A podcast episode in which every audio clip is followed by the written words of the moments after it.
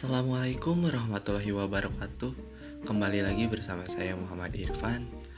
Pada podcast kali ini saya akan menjawab 8 pertanyaan mengenai proses pembuatan tugas akhir Civic Journalism dengan tema Civic Affair. Langsung saja, di sini saya akan menjawab pertanyaan pertama yaitu apa judul berita yang akan dibuat. Di sini saya akan membuat judul yaitu penderitaan rupiah yang tak kunjung usai di tengah pandemi COVID-19. Untuk pertanyaan kedua, mengenai cara menjelaskan dan meyakinkan pemirsa tentang berita tersebut. Dalam bagian ini, saya tentu akan memberikan sumber yang valid atas apa yang terjadi.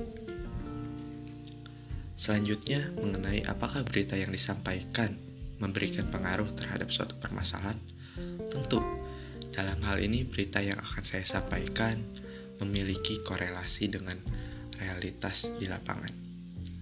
Untuk yang keempat, mengenai proses cara menyampaikan berita agar terlihat segar, relevan, dan bertenaga, yaitu dengan cara memberikan data yang valid atas apa yang terjadi, serta dalam hal penyampaian tentunya akan didukung dengan penekanan suara terhadap kosakata tertentu.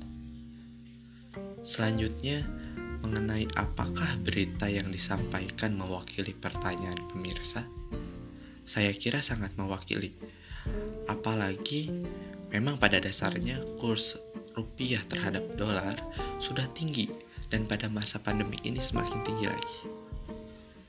Untuk arti berita sendiri bagi pemirsa, menurut saya ini bisa menjadi informasi yang begitu bermanfaat Tak lupa di sini juga disampaikan sebuah solusi yang diharapkan dapat diimplementasikan. Dalam pembuatan sebuah tugas tentunya ada tantangan yang harus dihadapi.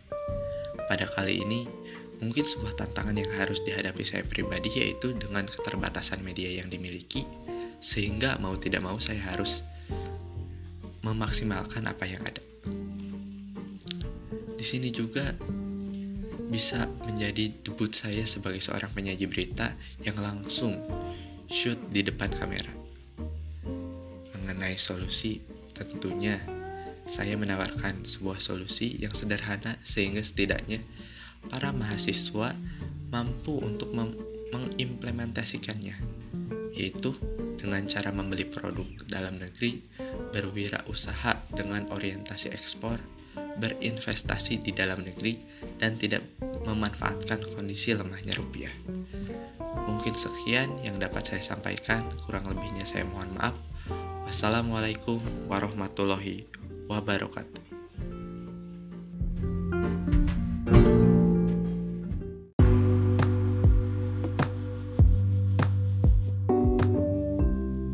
Assalamualaikum warahmatullahi wabarakatuh.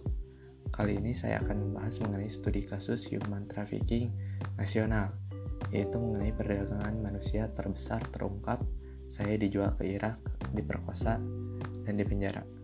Dilansir dari BBC Indonesia, Mabes Polri tengah memproses 8 orang yang diduga terlibat dalam kasus dugaan perdagangan manusia sekitar 1.200 orang ke negara-negara di Timur Tengah sebagai tenaga kerja ilegal. Bagi Jingga, bukan nama sebenarnya, tawaran bekerja di Arab Saudi sangat menggiurkan. Buruh pabrik asal Tangerang ini diiming-imingi tetangganya untuk bekerja di Arab Saudi dengan gaji 5 juta rupiah per bulan dengan bonus 5 juta rupiah jika ia dinyatakan sehat untuk bekerja di luar negeri. Jingga lulusan SMP mengatakan saat itu penghasilan per bulannya hanya sebesar 300 ribu rupiah dan sering kali uang itu tidak cukup untuk membiayai hidupnya dan keluarganya.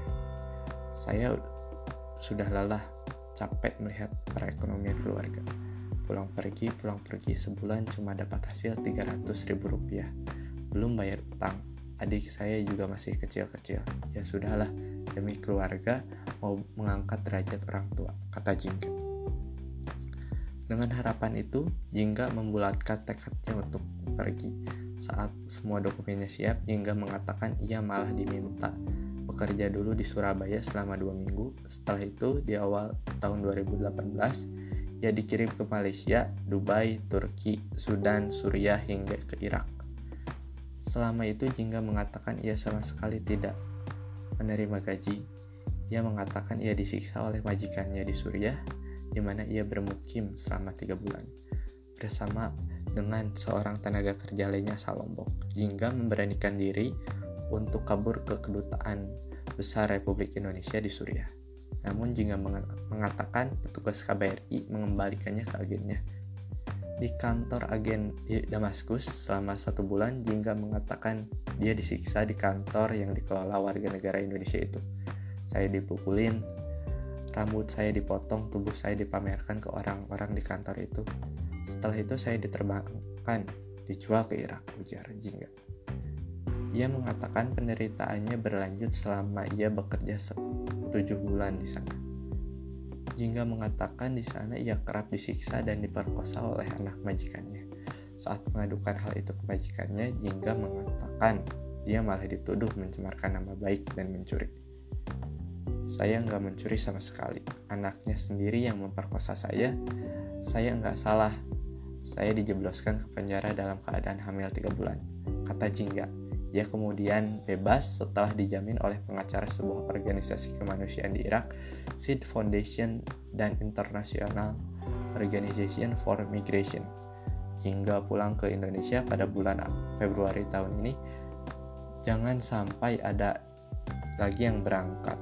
Mohon benar-benar pemerintah nutup jalur ke Timur Tengah, biar jangan terjadi yang kayak saya, kata Jingga. Atas perbuatannya pelaku dijerat pasal 14 dan pasal 10 Undang-Undang nomor 21 tahun 2007 tentang pemberantas pemberantasan tindak pidana perdagangan orang dengan ancaman hukuman maksimal 15 tahun penjara serta pasal 83 dan pasal 86 huruf B Undang-Undang nomor 18 tahun 2017 tentang perlindungan pekerja migran dengan ancaman hukuman penjara maksimal 10 tahun atau denda sebesar 15 miliar rupiah. Selanjutnya mengenai studi kasus human trafficking internasional, yaitu perempuan-perempuan Pakistan dijadikan budak seks di Cina dengan kedok pernikahan. Dilansir dari BBC Urdu Lahore Senin 15 Mei 2009. 6 bulan lalu, Sophia bukan nama sebenarnya yang merupakan seorang perempuan Kristen dari Pakistan melangsungkan pernikahan dengan seorang pria Kristen asal Cina di kota Faisalabad, Pakistan Timur. Pernikahan tersebut terlihat sempurna dan menunjukkan kedua, kedua pasangannya yang serasi. Sophia 19 tahun bekerja di sebuah salon kecantikan, adapun calon suaminya yang berusia 21 tahun adalah pedagang alat kecantikan orang tua Sophia tidak punya cukup uang untuk membiayai perkawinan tersebut. Namun dari pihak calon suaminya bermurah hati menawarkan seluruh biaya pernikahan. Proses pernikahan berlangsung sesuai dengan adat orang Pakistan, yang tentu saja membuat orang tua Sophia senang dengan calon suaminya yang berasal dari Cina, menghormati tradisi setempat. Perempuan-perempuan Kristen yang sebagian besar berasal dari kalangan orang-orang miskin dan terpinggirkan tampaknya menjadi sasaran utama para pelaku perdagangan manusia. Mereka membayar uang ratusan juta kepada para orang tuanya. Cina membantah bahwa perempuan-perempuan Pakistan itu diperdagangkan untuk kemudian dijerumuskan ke dalam industri pelacuran. Mereka mengatakan beberapa media telah mengarang laporan dan menyebar rumor tersebut. Namun, pada pekan ini, Pihaknya mengakui jumlah calon pengantin perempuan Pakistan yang mengajukan visa tahun ini mengalami lonjakan. Ada 140 pengajuan visa pada tahun ini, jumlahnya yang sama dengan tahun lalu. Seorang pejabat dari kedutaan Cina Islam, di Islamabad mengatakan kepada media setempat pihaknya telah memblokir setidaknya 90 pengajuan visa.